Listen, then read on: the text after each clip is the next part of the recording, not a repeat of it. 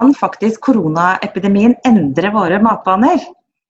Det er spørsmålet jeg skal prøve å finne ut av i dagens utgave av Pandemipodden til Senter for utvikling og miljø ved Universitetet i Oslo.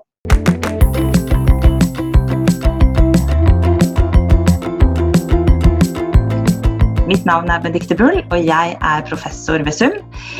I dag skal jeg snakke med Karen Lykke Syse, som er kulturhistoriker, og som har forska mange år på hvordan eh, våre matvaner endres, og hva det har å si for miljøet rundt oss.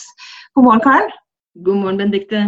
Har du fått deg en eh, god og bærekraftig og kortreist frokost? Jeg har fått meg en ganske kortreist uh, frokost, tror jeg jeg kan si. Jeg har fått meg egg fra Østfold, og så har jeg fått meg uh, brød bakt med deig, nei, med mel fra, fra Helgøya, og så har jeg fått meg veldig langreist kaffe.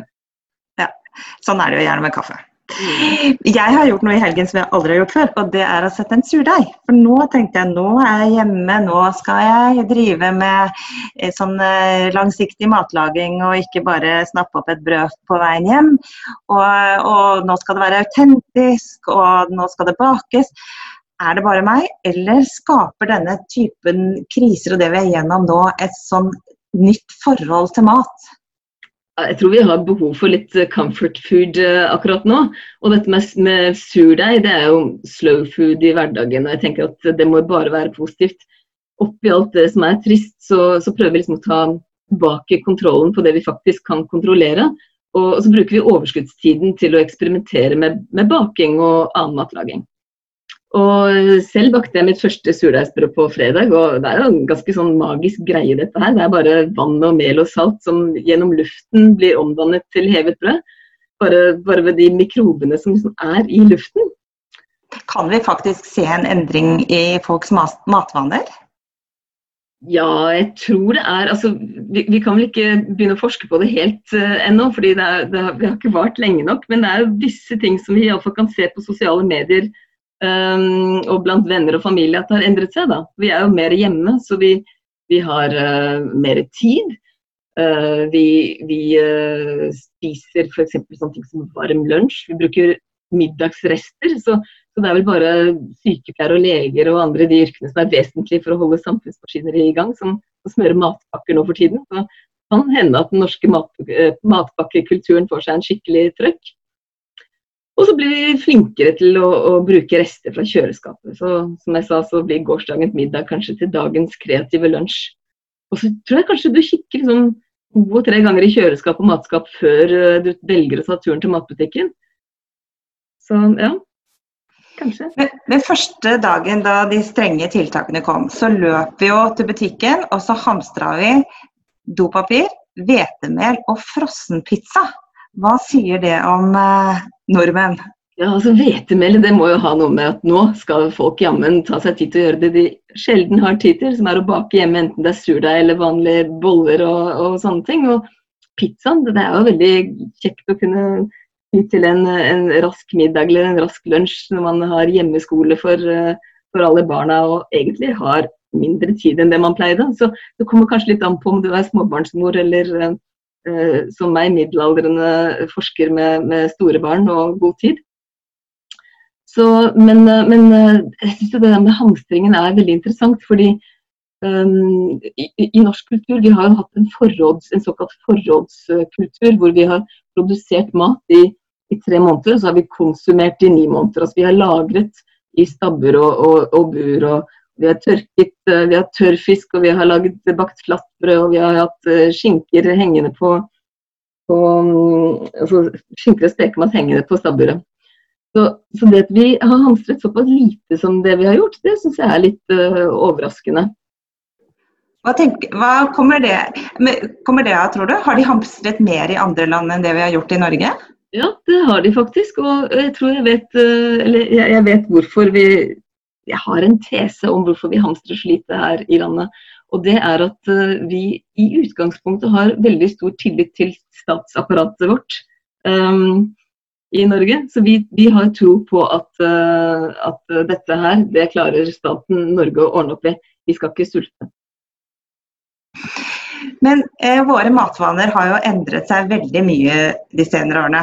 Og ikke nødvendigvis på en måte som er veldig bra for verken oss selv eller miljøet rundt oss. Kunne du bare dratt oss igjennom de viktigste endringene? Ja, De viktigste trendene med tanke på hva vi spiser, det er at vi spiser mer ferdigmat og mer kjøtt. Så um, altså Særlig populært så er det med sånn gryteretter og, og, og, kjøtt og, og altså, halvferdig, halvferdig uh, gryterett som du putter kjøttdeig oppi. Uh, men det som kanskje er mest interessant, det er den enorme veksten i kjøttkonsum. Uh, og, og, også hvilken typer kjøtt vi spiser. Uh, vi spiser veldig mye svinekjøtt, 39% Vi spiser veldig mye fjørfekjøtt, 29% og 24 storfe. Litt grann sau. Sauekjøtt det har vi store lagre med, som kanskje mange har fått med seg gjennom media. Uh, og, og, det som er problemet med akkurat de to dyrene vi spiser mest av, som er gris og fjørfe eller kylling, det er at dette her er dyr som egentlig spiser menneskemat. Sant? De spiser kraftfôr. Og det kraftfôret det er for en stor del importert, og det kommer for en stor del fra områder hvor det kanskje heller kunne vokst regnskog enn soya. Men eh, da er vi jo inne på et uh, tema som er sentralt i en situasjon som dette, og det er jo matsikkerhet. Eh, vi ser jo, eh, Nå som vi begynner å diskutere det, så ser vi at importen av mat er nærmest firedoblet bare siden 2000. Eh, tror du at eh, en sånn, altså Er egentlig vi rusta til å konfrontere en sånn krise som dette her? Altså En stor del av den importen som vi har, den består av varer som vi ikke kan produsere i Norge, sånn som eksotiske frukter, eh, sukker og, og kaffe og sånn. Men, men, vi importerer også ganske mye yoghurt og ost og, og, grønnsaker, også eksotiske grønnsaker, og kjøtt fra bl.a. EU. Um, men um, ja, også importerer vi, som uh, så vidt nevnt, store mengder med, med um, kraftfôr. Protein som råvare i kraftfôr. Uh, og, og, det er jo et problem. Men, men uh, det er jo, en, det er en, en, stor forskjell på det vi kaller matsikkerhet eller selvforsyningsgrad og forsyningsevne i en krisesituasjon. Kan du huske Torstein Treholt? Uh, nei, navnet Treholt, da tenker jeg på Arne. Ja, ikke sant? Han var faren til den spiondømte Arne. Og så var han landbruksminister for Arbeiderpartiet på 70-tallet.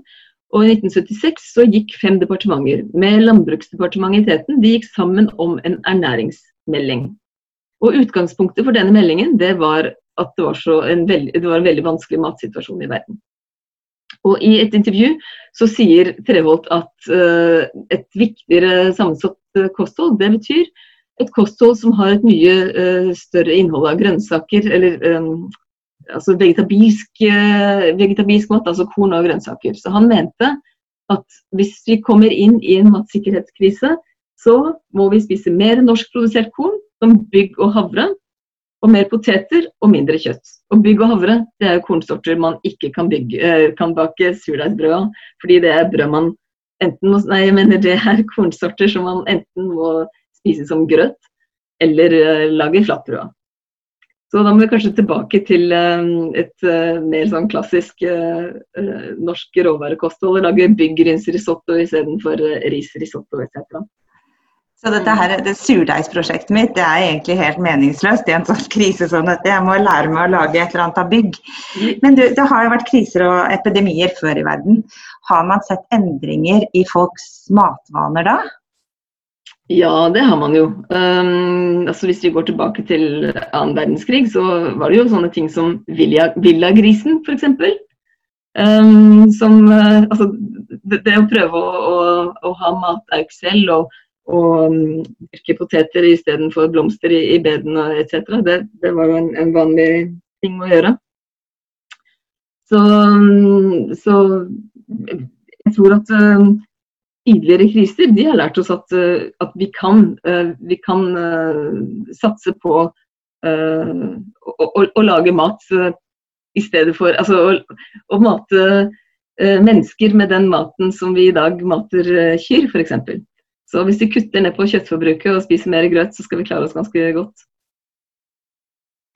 Nei, da har jeg et eh, prosjekt til neste uke også. Det eksperimenterer med ulike byggerøter. Sånn, sånn, for å være på den sikre siden i verste fall. Tusen takk, Karen. Så håper jeg vi snart kan ta en uh, ordentlig prat over en skikkelig langreist kaffe på Zoom. Det blir veldig bra. Ja. Ha en fin dag. Ha det godt.